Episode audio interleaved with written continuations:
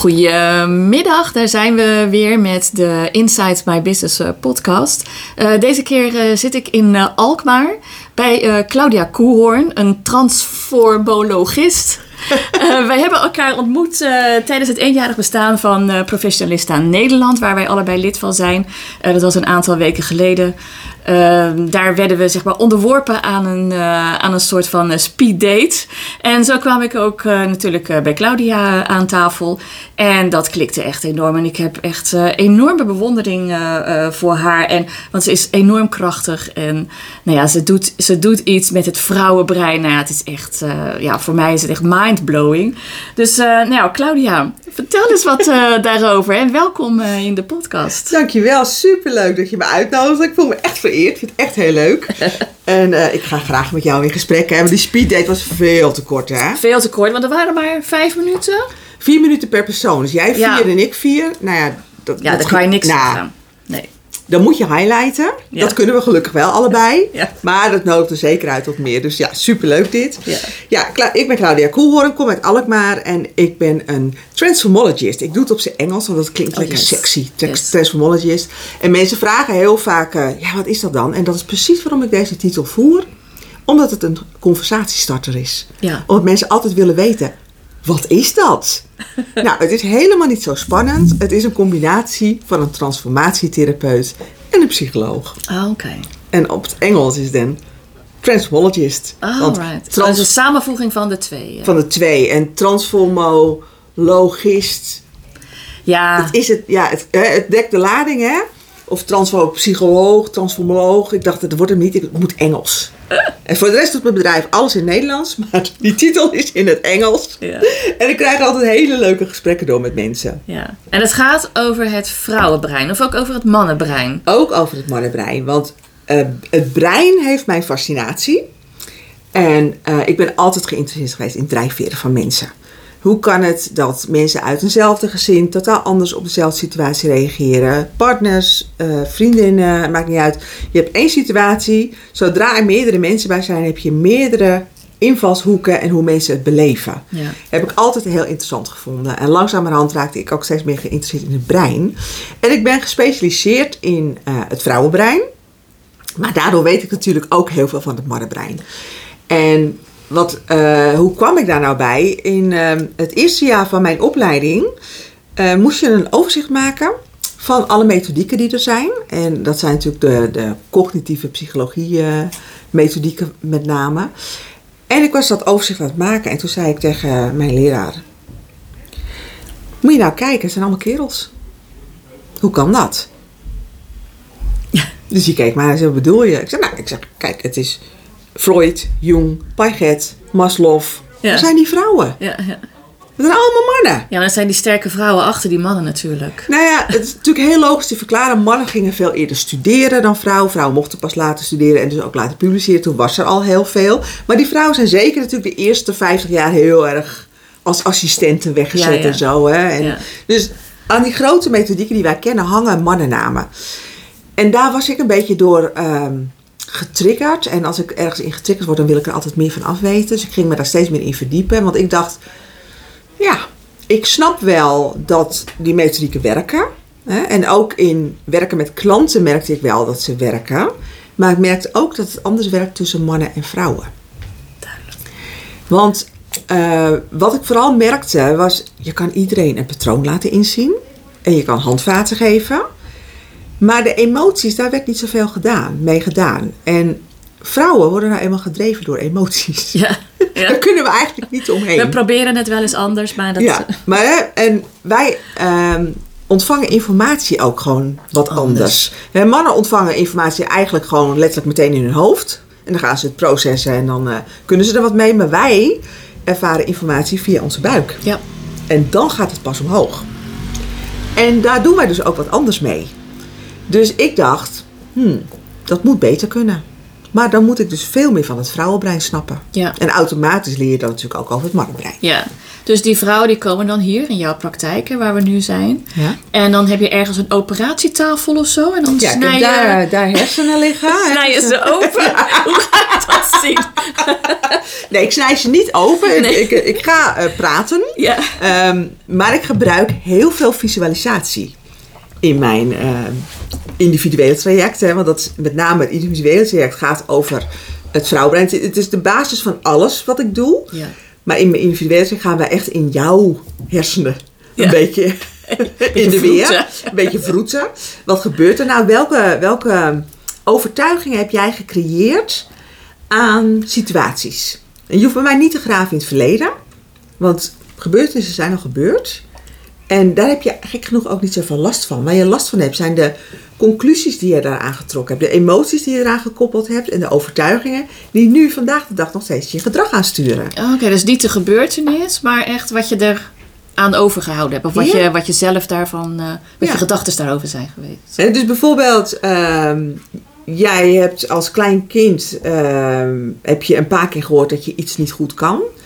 En daar kunnen vrouwen dan op latere leeftijd nog steeds last van hebben in de zin dat ze niet in zichzelf geloven. Nee. Dat ze Ja. denken dat ze dom zijn, terwijl de rest van de wereld denkt dat is een hele slimme vrouw. Ja. Maar als jij zelf denkt dat je dom bent, of bang bent dat je dom bent, en imposter syndroom ja, klopt. komt heel veel voor bij ondernemers. Ja. En is vaak gebaseerd op hele kleine gebeurtenissen. Maar als er meerdere zijn, dan versterkt dat Ja. een emotie of een overtuiging. Dus ik ga daarna graven met jou in jouw brein. Ja. En vervolgens ga ik daarmee aan de slag. En waarom gebruik ik nou zoveel visualisatie? Omdat wij vrouwen daar heel goed in zijn. Ja, we worden heel leuk voor plaatjes. Ja. Ja, en wij kunnen dat heel goed. En wat doen dat Ja. van nature? Want zodra jij een huis gaat kopen of huren, dan, en je loopt een huis binnen en het is jouw huis, hè, dat voelen wij dan. Hè. Maar dan gaan wij, is de fundering goed en is het dak Ja. goed en dan weet ik Ja, bij ons gaat het om de vibe. Wij moeten het voelen. Ja, het voelt goed. En zodra het goed voelt, ben je het al aan het inrichten. Ja. Dus dat is heel natuurlijk voor ons. Als wij een vakantie boeken, nou, wij liggen al onder die palmboom, of niet? Ja. Als ik aan jou denk met jouw eh, eh, ding in Portugal, denk ik, ja, daar wil ik zijn. En ik zie het al voor me. En ik voel eigenlijk al de zon op mijn huid. Nou ja, jij zei toen, jij zei, want we hadden natuurlijk bij- erover gepraat, ook over Portugal. En toen zei jij dus een dag later tegen mij van ik heb gedroomd over Portugal. Ja, zeker, zeker. Ja. Weet je, dus wij kunnen dat heel goed. Dus waarom Ja. zou je niet iets inzetten wat ons zo makkelijk afgaat? Ja. En natuurlijk krijg ik vrouwen die zeggen, "Nee, maar ik kan helemaal niet visualiseren. Nou, dan doe ik altijd een paar kleine oefeningetjes, vaak zonder dat ze het doorhebben. En dan zeg ik, je kan het hartstikke goed. Ja. Je was je er alleen even niet van Niet bewust. van bewust, nee. Dus, eh, dus ja, wat doe ik? Ik ga met vrouwen aan het werk om emoties en overtuigingen die je tegenhouden. Hè, want we hebben ook heel veel emoties en overtuigingen die supergoed zijn. Ja. Daar ga ik natuurlijk niets mee doen. Hè? Die laten we ongemoeid. Ja, ja. Maar de negatieve, die jou negatief Die beïnvloeden, blokkades. daar ga ik mee aan de slag. Ja. En die gaan we uit je systeem halen en vervangen door wat anders. Ja.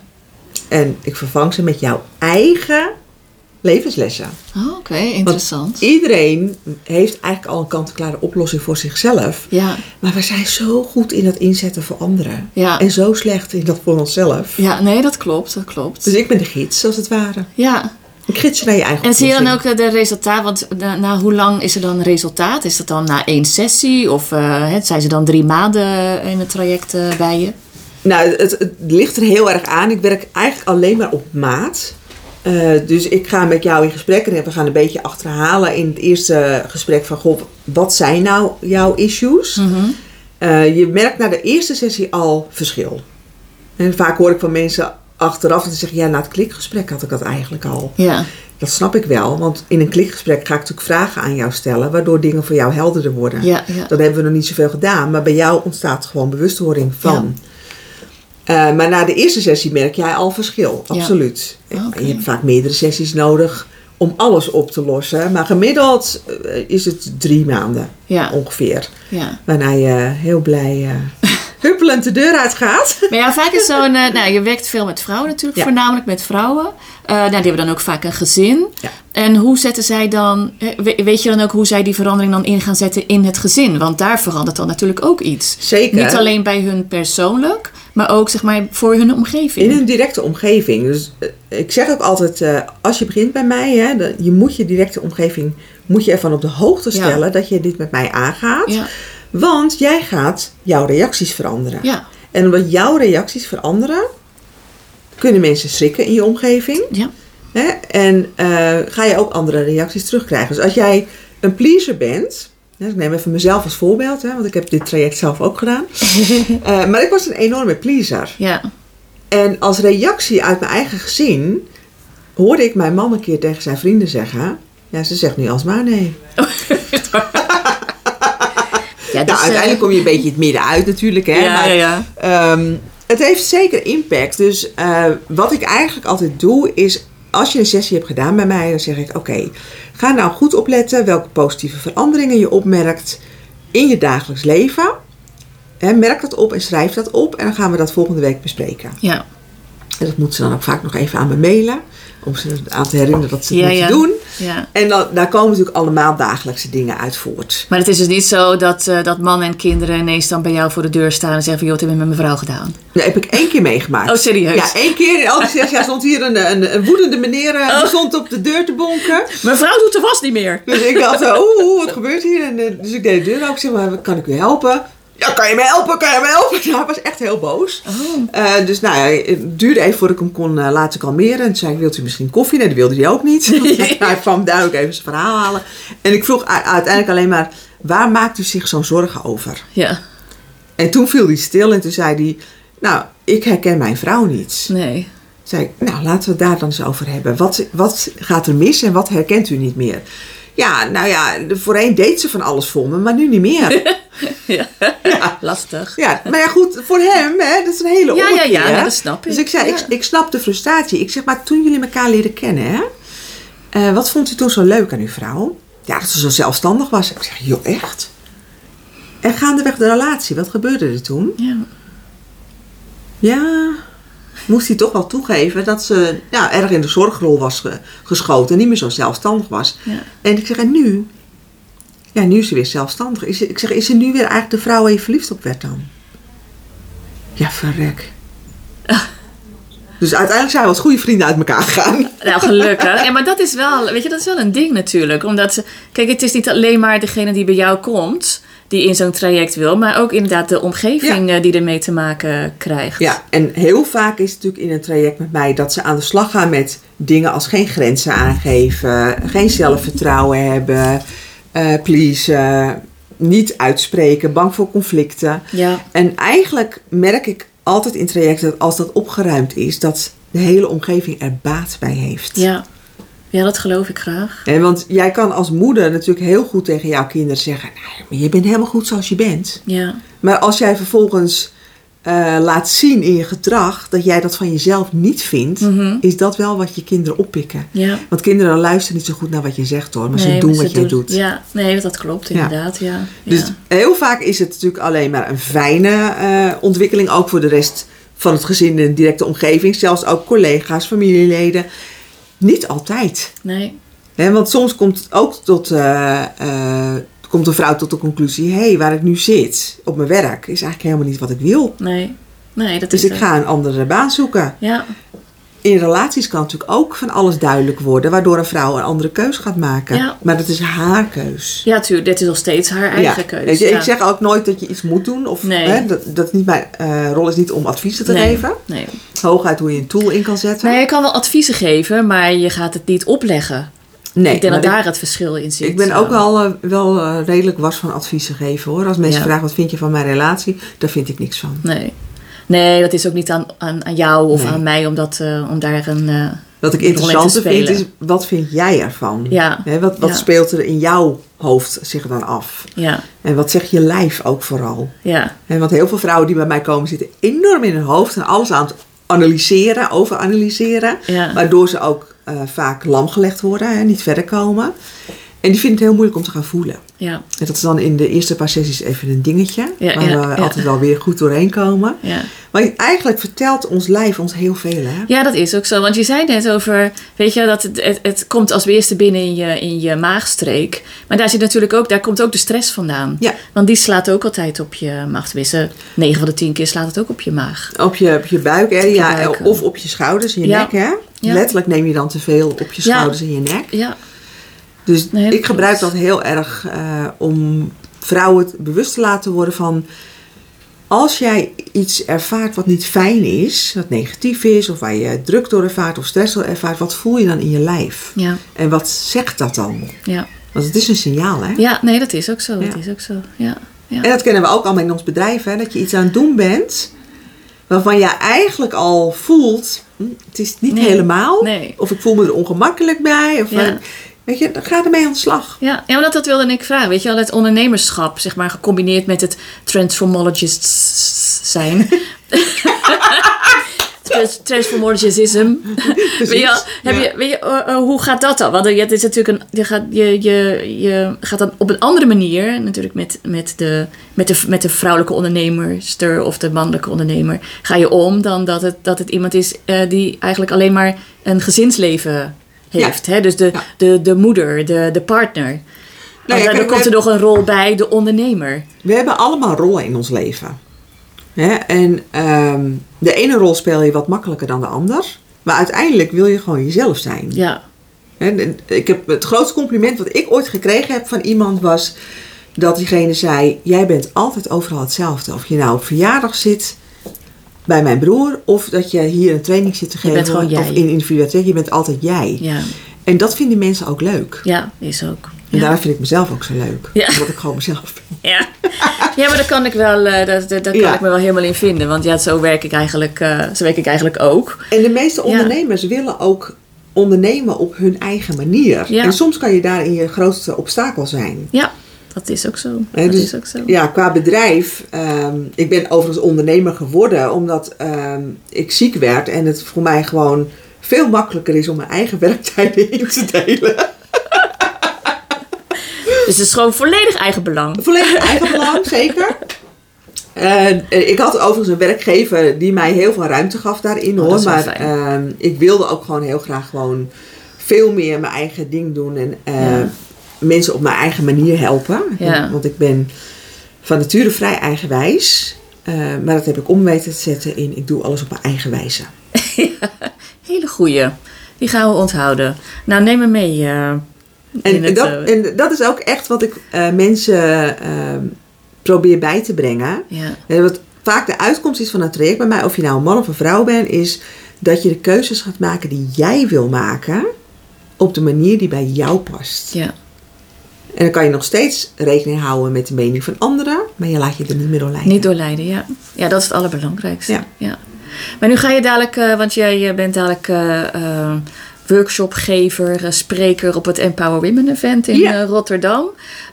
Wat voor soort workshop moet je dan aan denken? Wat, wat ga je dan doen? Breng, ga je de mensen dan zeg maar eh, naar je toe op het eh, podium? Of hè, wat ga, wat, hoe, eh, Nou, ik, in het kort, hè? Wat ga je ja, daar eh, ik laten moet zien? eerlijk zeggen dat ik, ik heb geen idee hoe de zaal eruit ziet. Oh, echt? Daar heb ik me nog helemaal niet in verdiept, dus ik weet helemaal niet Nee. of er een podium is of iets. Maar goed, dat komt wel goed. Wat, wat ik ga doen is uitleggen welk verschil tussen het mannen- en vrouwenbrein jou weerhoudt om de vrouw te zijn die je werkelijk bent. Hm. En want eh, dat is het thema is eh, be- becoming the woman you are of Ja. destined to be. Vergeef me Cor en Sa- en Sandra als ik het verkeerd zeg, maar daar heeft het mee te maken. Ehm, maar ehm, heel veel vrouwen weten wel diep van binnen dat er een andere vrouw in hun zit. Ik heb het nu over vrouwen, want het is het Empower Women Event. Ja. En daar zit iets in jouw brein. Ja. Er zit iets in ons gedrag, in ons denken, voelen en doen. Ja. Waardoor wij niet onszelf laten zien of Ja. durven te laten zien. Dus Ja. daar gaat mijn workshop over. Nou ja, ik heb ehm, toevallig eh, vanmorgen heb ik een eh, post geplaatst. Vrijdag is dat mijn inspiratiedag. En eh, er staat, weet je wel, wees een fan van jezelf. Ja, Weet je wel, laat de groepie in die in jou zit, laat die los. ja fantastisch. Ja, Eens. Ja. Ja. helemaal eens. want je moet het, je moet het echt wel, je, je moet het zelf voelen. Ja, ja. Hè, voordat, je, voordat je het ook kan uitstralen naar de rest van de wereld. Zeker, dat is grappig. Wij zitten vaak op één lijn, Sandra. Want ik Ja. had vanochtend een post. Ik moet hem er even bijpakken hoor, want anders zeg ik het ook nog verkeerd. Mijn post vandaag was: denk in mogelijkheden. Je kan alles bereiken wat je wil. Geloof in jezelf en stap voor stap kom je er wel. Ja, Want als jij in jezelf gelooft, dat is natuurlijk de basis van iets kunnen bereiken. ja. Nou ja, dat is precies ook Ja. zoals ik... En dan eh, moet je wel je eigen fan zijn. Ja, Als eerste. nee, maar dat klopt. Dat klopt helemaal. En dat is ook iets wat ehm, heel veel vrouwen ehm, belemmert, is dat ze steeds maar bevestiging willen zoeken buiten zichzelf. Ja, En dat is een heel groot issue wat heel vaak terugkomt in trajecten bij mij. Ja. En als jij dat niet meer buiten jezelf hoeft te zoeken, omdat je je eigen fan bent, Ja. Dan wordt je leven zoveel Ja, eenvoudiger. ja, zeker. Maar dan ga je jezelf ook enorm waarderen. Ja. En weet je, voor wie je bent. Ja. En dat je, weet je, en dat je toch en dat je dat gevoel weer terugkrijgt. Van ik ben ook gewoon weet je, het waard om hier te zijn, om de dingen te doen Ja. die ik doe. Ja, dat Ja. ik, ik hoef niet klein eh, gehouden te worden. Ja, Ja, exact. nee, klopt helemaal. Super, nou echt fantastisch. Wij zitten zo op één lijn. Het is echt eh, helemaal... eh, Heerlijk. ja, ik ga eventjes over iets anders hebben. Ja. Want ik vraag altijd... eh, nou, jullie, eh, de, mijn vaste podcastluisteraars, die weten dat. Ik vraag altijd naar de lief, het lievelingsboek of boeken van, van mijn podcastgasten. Nou, had, Claudia had daar een beetje moeite mee. en nou, nou, een beetje schoorvoetend kwam ze toch met, met een boek. Of eigenlijk boeken. Ja, ik ben, eh, ik ben niet echt van deze serie. Maar Lord of the Rings, dat was zeg maar het lievelingsboek. Nou Ja. ben ik eventjes daarin gedoken. Of er ook nog, weet je wat de diepere betekenis is van Lord of the Rings. En om te kijken of er raakvlakken zijn met het ondernemerschap. En die zijn er zeker. Dus in het kort, ik heb het even opgeschreven. Lord of the Rings is een verhaal van moed, vriendschap, trouw en de roeien met de riemen die je hebt. Over het gaan voor je doel, ongeacht je twijfels, angsten en blokkades. Is dat ook hetgeen... Ik had het niet wat- beter is kunnen dat hetgeen wat jij, wat jij daarin vindt? Ja. Ja. Want En- het gaat over Frodo. Hè, dat is de hoofdpersoon, Frodo? Ja, Frodo en Bilbo eerst. Hè. Bilbo is zijn oom. Die heeft eigenlijk de, de eerste reis gemaakt. En zijn neefje gaat later ook. Ja. En het gaat natuurlijk over... eh, en mijn man vindt het overigens vreselijke boeken en films. En die zeggen altijd, het is gewoon één lange roadmovie. Ga gelijk naar die vuurbergen. eh, Gooi gelijk die ring erin. Wat een gezeik. Nou, daar kan ik hem wel een beetje... dus- dus- ken ik hem wel in Ja, eh, maar ik, bevestigen. ik ehm, als kind heb ik dit boek voor het eerst. ehm, nou, ik heb het eerst voor het eerst zelf gelezen, volgens mij toen ik 13, 14 was. En daarvoor las mijn opa hem voor aan mij. Dus dat heeft ook een, een extra persoonlijke Mm. Eh, ja. betekenis voor mij daardoor. En dat deed hij volgens mij ook achteraf, nu ik volwassen ben, kan ik dat ook wel zien. Dat deed hij volgens mij ook om mij moed te geven en om te laten beseffen dat ik eigenlijk al best wel een lefwijfie was. Ja. Ook al vond ik dat zelf niet Nee, op nee, die nee. leeftijd. Nee. En maar inderdaad, het gaat over, eh, je hebt een doel en denken in mogelijkheden Ja. in plaats van in obstakels. Ja, nee, inderdaad. Dus dat is waar ik heel erg voor sta. Ja. Eh, kijken naar wat wel kan. Ja. En trouw blijven aan jezelf. Trouw blijven aan de mensen die je ontmoet onderweg. Ja. De talenten van anderen inzetten. Ja. Jezelf laten ondersteunen en om hulp durven vragen. Ja. Ja, dat is, zijn allemaal dingen die ik heb geleerd. Maar ook ehm, omarm de magie in jezelf. Ja. Nee. Hè, Frodo is natuurlijk eh, helemaal niet overtuigd van dat hij het kan. Hij heeft alleen de moed van een leeuw, zeg maar, om, Ja. het, om het wel te doen. Ja. Eh, maar hij ziet eigenlijk helemaal niet hoe sterk hij zelf is. Nee. En ik denk dat dat voor heel veel mensen geldt. Ja, nee, ik denk dat dat ook wel klopt. Want je had het net over die reis. Weet je wel, nou, die, die Frodo die heeft dan een opdracht. Ja. En die ontmoet onderweg. Dus hè, de- hij, moet, hij moet ergens heen. En hij ontmoet onderweg ontmoet hij allerlei figuren. Ja. En die hebben allemaal een eigen persoonlijkheid. Allerlei, allemaal eigen karaktereigenschappen. En die allemaal welwillend zijn om hem te helpen. Om te komen waar hij moet zijn. Ja. Dus en die reis, dus je hebt eigenlijk, dus wat jij net zegt ook, je hebt reisgenoten nodig om je doel te bereiken. Ja. En dat is natuurlijk, en je hebt dus, nou, ik denk dat iedereen wel een groep ondernemers om zich heen heeft, of je zit in een club of in een vereniging waarvan je denkt van, wat moet ik met die persoon? En dan waarschijnlijk eh, komt er een punt waar je zegt van, oké, ja, we hebben wat aan elkaar, we kunnen iets, eh, we kunnen iets doen met elkaar, zodat je elkaar ook weer kunt laten groeien. Ja. En, ik denk, en, dan kom, en dan kom je tot je doel. Dus hè, dit komt te komen de leuke samenwerking. Ook, ook al is het met mensen waarvan je denkt van nou, pff, daar had ik dan nooit aan gedacht. Of bij stilgestaan dat dat, dat toch nog eens een goede match eh, zou kunnen Ja. zijn. En overigens, je hoeft niet met iedereen door één deur te kunnen, hè? Nee, maar goed, als je, weet je, als je een team gaat vormen, weet je, of je gaat zeg maar iets doen eh, samen, weet je, iedereen speelt zijn eigen rol. Ja. En je, en je doet allemaal, als je allemaal doet waar, waar je goed in bent, weet je, dan kom je eigenlijk tot een, een mooi gemeenschappelijk eh, doel. Ja, en samen ben je sterk, hè? Dat kennen we natuurlijk allemaal, Ja. die uitdrukking. En die komt niet zomaar ergens vandaan. Dat is natuurlijk uit ervaring van mensen. Ja, Dat als je met elkaar verbindt, je meer kan bereiken. ja klopt. En de meeste onderneemsters, hè, zeker vrouwen, die, die hebben een missie. Die doen iets omdat ze iets goeds in de wereld willen neerzetten. ja.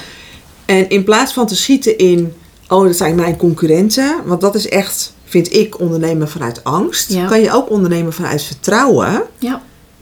En op vertrouwen dat jouw boodschap wel terechtkomt bij de mensen die het echt nodig hebben. En dat je onderweg dus inderdaad mensen ontmoet waar je mee samen kan werken. Om je bereik te vergroten. Ja. Want in je eentje bereik je veel minder mensen. Ja, dat eh, klopt. Dan eh, dat klopt echt. Want ja, of die, die, ja, die reisgenoten. Want welke mensen heb jij ontmoet gedurende de jaren? Waarvan je denkt van nou, dat, eh, daar zou ik nou nooit eigenlijk eh, op zijn gekomen om daarmee te gaan samenwerken. Maar dat dat wel gelukt is. Dat er Ehm, bepaalde samenwerk, verrassende samenwerkingen zijn ontstaan. Nou, ik heb eh, heel in het begin van mijn onderneming deelde ik een kantoor met iemand. Ik dacht van tevoren, dat ga ik nooit doen. Ik ga geen kantoor delen. Gadverdamme, Mhm. die moet allemaal van mij zijn. Hè, maar Ik, omdat ik dat kon delen met haar, kon ik het betalen. ja, En dat, dat was een verrassende, leuke samenwerking. Ja. En uiteindelijk ben ik wel naar mijn eigen pand gegaan. want Toen Ja. kon ik het ook meer betalen. En Ik zit op een prachtig stukje in Alkmaar, dan zeg ik het zelf. ja. ja, je moet weten waar het is. Je moet weten waar het is, maar als je het eenmaal weet, dan wil je er ook bijna niet meer weg. Nee. Het is zo'n gezellig stukje Alkmaar. Ehm, dus dat is een samenwerking. Eh, ik heb op dit moment heb ik een interessante samenwerking, want ik studeer nog. Hè. Ik studeer neuroscience.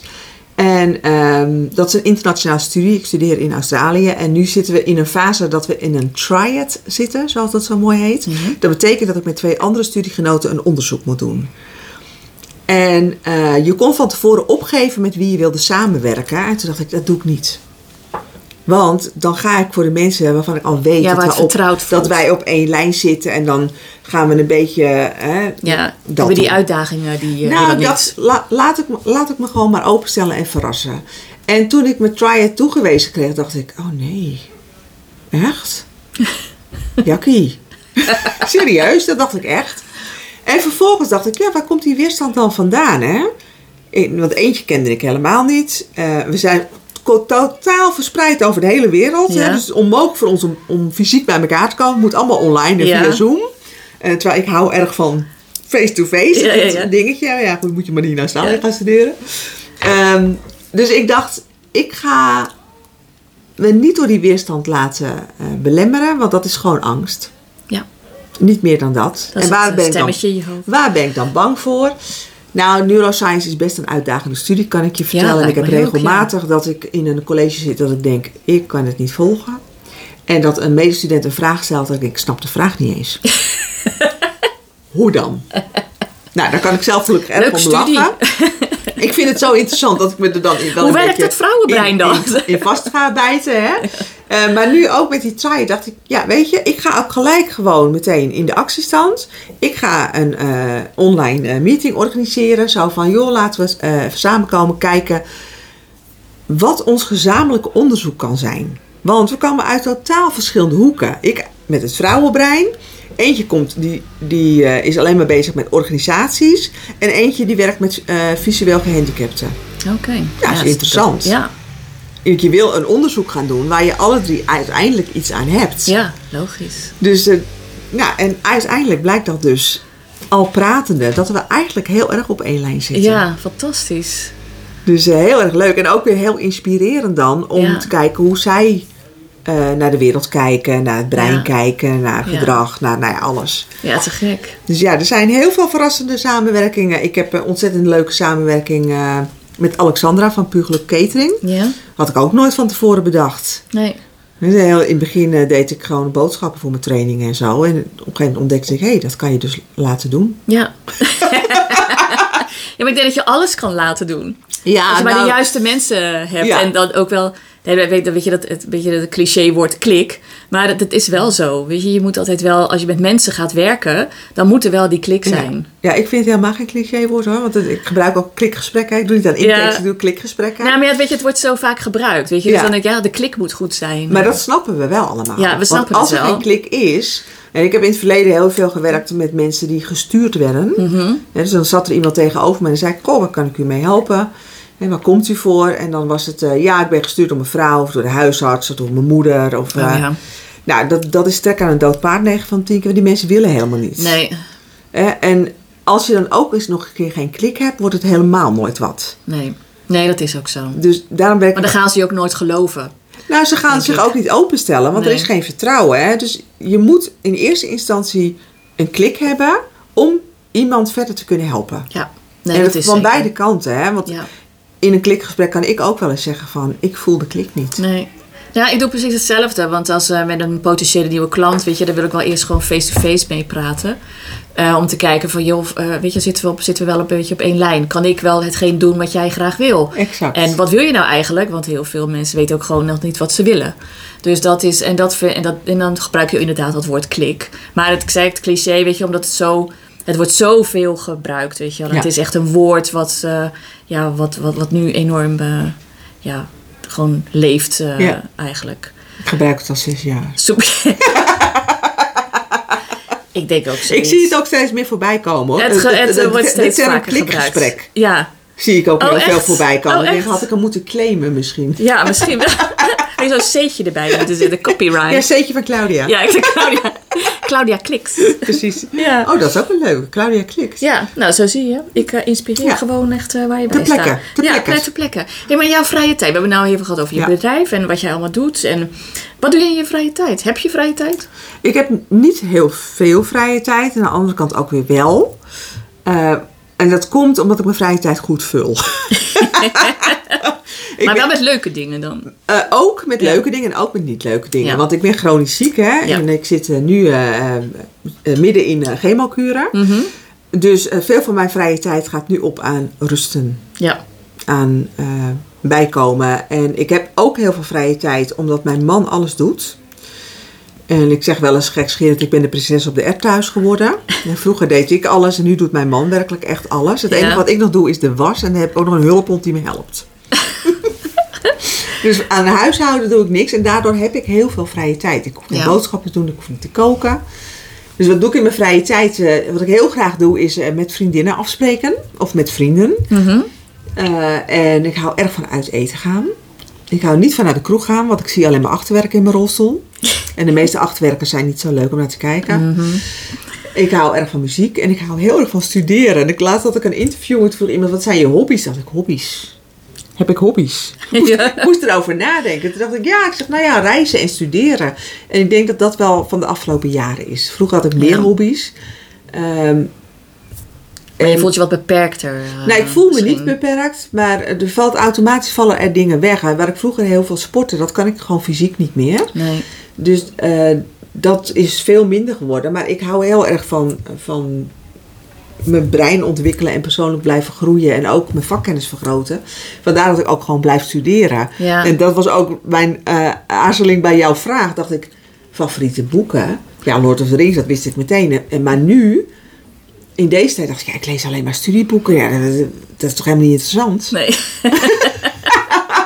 nee, maar al was dat een van jouw favoriete boeken geweest, of weet je, dan hadden we daarover eh Ja, kunnen nou ja, hebben. ik heb, ik heb echt wel, wel eh, favoriete boeken. Ja. Eh, ja, die gaan allemaal over het brein. Ja, nou ja, weet je, eigenlijk gaat Lord of the Rings gaat daar eigenlijk ook over. Ja. Weet je, hoe mensen denken Ja. en hoe je, de, hoe je jezelf kan, kan ontwikkelen. Want Ja. daar gaat het wel over. Het gaat over persoonlijke ik, ik groei. wist er niks van, want ja, ik, ik ben niet van de Lord of the Rings. Dus ik, toen, toen ben ik erin gaan duiken. Ik denk, oké, wat voor raakvlakken zijn er? Ja. En dan blijkt dus dat, dat, ook wel, dat, die- dat die er echt gewoon zijn. Dus dan snap ik waarom dat jouw boek eh, was. Ja, en nog, ik lees hem elk En jaar. nog? Ja, serieus? Ja, ik lees maar dat zijn er toch echt eh, triljoen Het zijn, boeken? het zijn drie delen van Lord of the Rings. En dan heb je nog The Hobbit. Oh ja, Dat is nog een boek. oké. Dus ja, het zijn wel, wel veel boeken, maar ik lees ze graag in de zomervakantie. Ja, Ehm, nou lees ik ze ook makkelijk, omdat ik ze natuurlijk al heel goed ken. ja, Ja, dus studieboeken, dat eh, vraagt veel meer tijd. ja. En, en wat ik ook leuk vind, is wat jij zegt over de reisgenoten en de karakters die in het boek zitten. Eh, er zit een grote tovenaar in het boek, hè, Gandalf. Eh, die staat voor mij heel erg voor, eh, want die wordt gezien als de grote wijze man. Hè, die weet het allemaal, de tovenaar die alles kan ook. Een soort grote smurf. Een soort gro- grote smurf, maar dan wit. Hè. Dan. Is, hij grijs. Hij begint als grijze Gandalf en dan later wordt hij nog wijzer en dan wordt hij de witte, Ja. witte Gandalf. Eh, maar voor mij staat dat karakter voor de wijsheid die je allemaal in jezelf hebt. Ja, En die je vaak buiten jezelf zoekt, maar eigenlijk in jouzelf verborgen zit. ja. We hebben allemaal Ja, verborgen hè? diamantjes. Ja. Ze zien toch dat, dat boek, het boek zegt echt iets over, Ja, over de mens. En Ja. daar, weet je, dat is ook de reden geweest waarom ik eh, eh, eh, boeken heb gebruikt als uitgangspunt van zo'n podcast. Ja, Omdat dat, het zegt zoveel over de mens, over de ondernemer. En, Ja. weet je, en die raakvlakken die zijn er dan. Ja, ik vind het echt super interessant. Ik lees ook heel erg graag. En ik heb nooit zoveel tijd, of ik geef mezelf geen tijd. Dus dat, en ik doe het ook alleen in vakantie. Oh. Maar dan lees ik zoveel mogelijk flut. Ik, moet ik eerlijk bekennen. Ik, eh, Kan ook heel lekker zijn. ja, gewoon even Ja. niet nadenken. Ik hou, weet je, als ik vakantie heb of echt vrije tijd, dan wil ik even niet na hoeven Ja. te denken. Omdat ik altijd aansta. Ja. Ik hou ook erg van, eh, van Netflixen. Nee, daar ben ik helemaal niet van. Nee, mijn man vindt dat echt fantastisch. Netflix. Die kan Nou. dan echt uren op die bank zitten. En dan word ik helemaal, ik word er helemaal nerveus van. Dan ga ik helemaal denk van, ik denk, je moet iets doen, je moet iets doen. Ja, ja, ja. ja. Nou, wat ik, wat ik wel eh, merk, hè, ik, ik kan heel goed eh, iets aanzetten en dan is het Engelstalig, dat kan ik allemaal goed volgen. Dan kan ik ondertussen ook wat anders doen. Dus als ik vind dat ik echt even moet relaxen, dat ik dat nodig heb. Of bijvoorbeeld als ik net uit mijn chemo kom, dan kan ik nog niet zoveel, maar ik kan wel al uit bed op de bank liggen. Dan is Netflix echt een uitkomst. Ja. Wat ik dan heel vaak doe, is dan ga ik Spaanse of Koreaanse soaps kijken. Want, of Turkse, die heb je ook. Eh, die moet ik kijken. Want ik kan niet op de ondertiteling of op, op, eh, zonder ondertiteling, ik kan niet op het geluid afgaan Nee. om het te blijven volgen. Ja. En daardoor is het voor mij dan echt noodzakelijk om die hele aflevering te kijken. Ja. Dat vind ik dan leuk.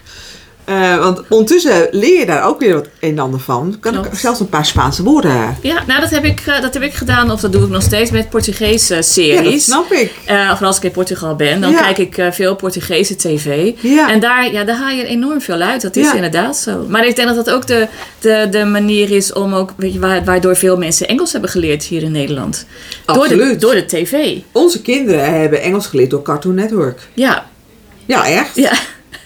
Want nu krijgen ze het op de lagere school, maar toen nog niet. Nee, nee, dat Ja. klopt. Ja, ja. En wij vonden het ook altijd leuk om veel eh, Engelse en Duitse tv aan te zetten zonder ondertiteling. ja.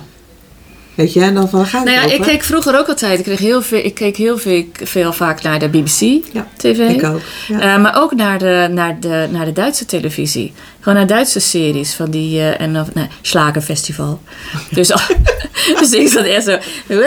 Met, eh, ik zit dan met mijn armen in de lucht. Mhm. eh, voor de slagers mee te zingen. Ja, pff, Heb je ooit Dallas in het Duits gekeken vroeger? Nee. Dat is heel raar, hè? Ja, dat lijkt me niks. Ja. Nee, maar ik hou niet van het nagesynchroniseerde. dat, Moet wel dat, gewoon, wordt heel grappig dan. moet wel gewoon de original stuff eh, Ja. moet het zijn. Ik weet het nog wel, Dallas in het Duits. JR, hast du Pamela schon gesehen? En dan gaat die mond die gaat gewoon heel anders. Ja. Vond ik heel grappig. Ja. Hey, maar is er, nog een, eh, is er nog iets waarvan jij zegt van gewoon met deze, met deze inspirerende quote ga ik, eh, ga ik deze podcast afsluiten? Zodat mensen ja, toch iets van jou zelf mee gaan krijgen. Van mij meekrijgen. Echt hoe jij denkt, eh, eh, hoe jij, eh, ja, weet je, welke kant, welke kant jij eh, op eh, zou willen gaan. Eh, hoe, wat raad jij mensen aan om, om te doen, om te groeien? Waar, eh, waar moeten ze op letten? Nou ja, eentje die ik heel veel gebruik, ehm, ook al jaren, is ehm, hou de moed erin met een D en haal de moed met een T eruit. Ja. En dat, en dat is met name omdat vrouwen heel veel moeten van zichzelf. Ehm, ja, en mijn moeder zei altijd tegen mij: Klauw, jij bent het bamboe. Je veert altijd mee, je beweegt mee met alles en je knakt nooit. Nee. En dat is ook exact wat ik mensen graag wil leren. Ja. En ook wil laten zien. Hè. En ik krijg natuurlijk van heel vaak van mensen te horen van... eh, ik vind je heel krachtig eh, en je doet nog zoveel terwijl je zo ziek bent. En dat vind ik altijd heel erg mooi en ontroerend. Mhm. Ehm, en tegelijkertijd denk ik, en dat kan ook. Ja. Denk in mogelijkheden en niet zozeer in obstakels. Ja. Eh, dat is zo'n gewoonte van mensen om gelijk in obstakels te denken. Oh ja, ik wil iets, ah, maar dat kan helemaal niet. Want geen tijd, geen geld, geen weet ik het wat we allemaal verzinnen. ja. Gewoon beer op de weg. eh, meteen, zien. meteen in de, kan niet. Ja. Maar als je in mogelijkheden gaat kijken en denken, dan zal je ontdekken dat er veel meer mogelijk is dan je op het eerste ogenblik ziet. Ja. En ik denk dat dat wel een beetje is eh, hoe je mij kan omschrijven. Ja. dat denk ik ook. En eh, nou ja, weet je wat, ik wil je enorm bedanken voor dit echt voor het superleuke gesprek. En eh, nou, ik vond dit wordt weer een podcast om eh, je vingers bij af te likken. Dus eh, nou, luister er allemaal naar. Hij, eh, nou ja, zodra die live is, eh, krijgen jullie allemaal een eh, berichtje natuurlijk. En dan, eh, dan kun je hem eh, nog een keertje naluisteren. En hij staat ook natuurlijk op mijn website eh, businessmanager.nu. En eh, nou, misschien dat eh, Claudia hem ook nog ergens gaat posten. Ja, ik vind het heel leuk altijd om podcast. eh, ik heb een, op mijn website een pagina gratis inspiratie. Oh, Oké, nou dit is echt een hele leuke En inspiratie. eh, eh, daar zetten we hem graag bij. Ja, hartstikke Ja. goed. Dus nou ja, de- deze serie eh, is eh, nou ja, van start gegaan met Claudia. Dus we gaan volgende week hebben we weer een nieuwe. En dan, nou, als je daar nog, ook nog interesse in hebt en je wil ook nog een podcast opnemen en je wil bij mij te gast zijn in Inside My Business, kom dan gewoon eventjes bij me langs via een mailtje of een telefoontje en dan spreken we elkaar snel. Dankjewel Claudia en eh, nou, iedereen eh, tot de volgende keer.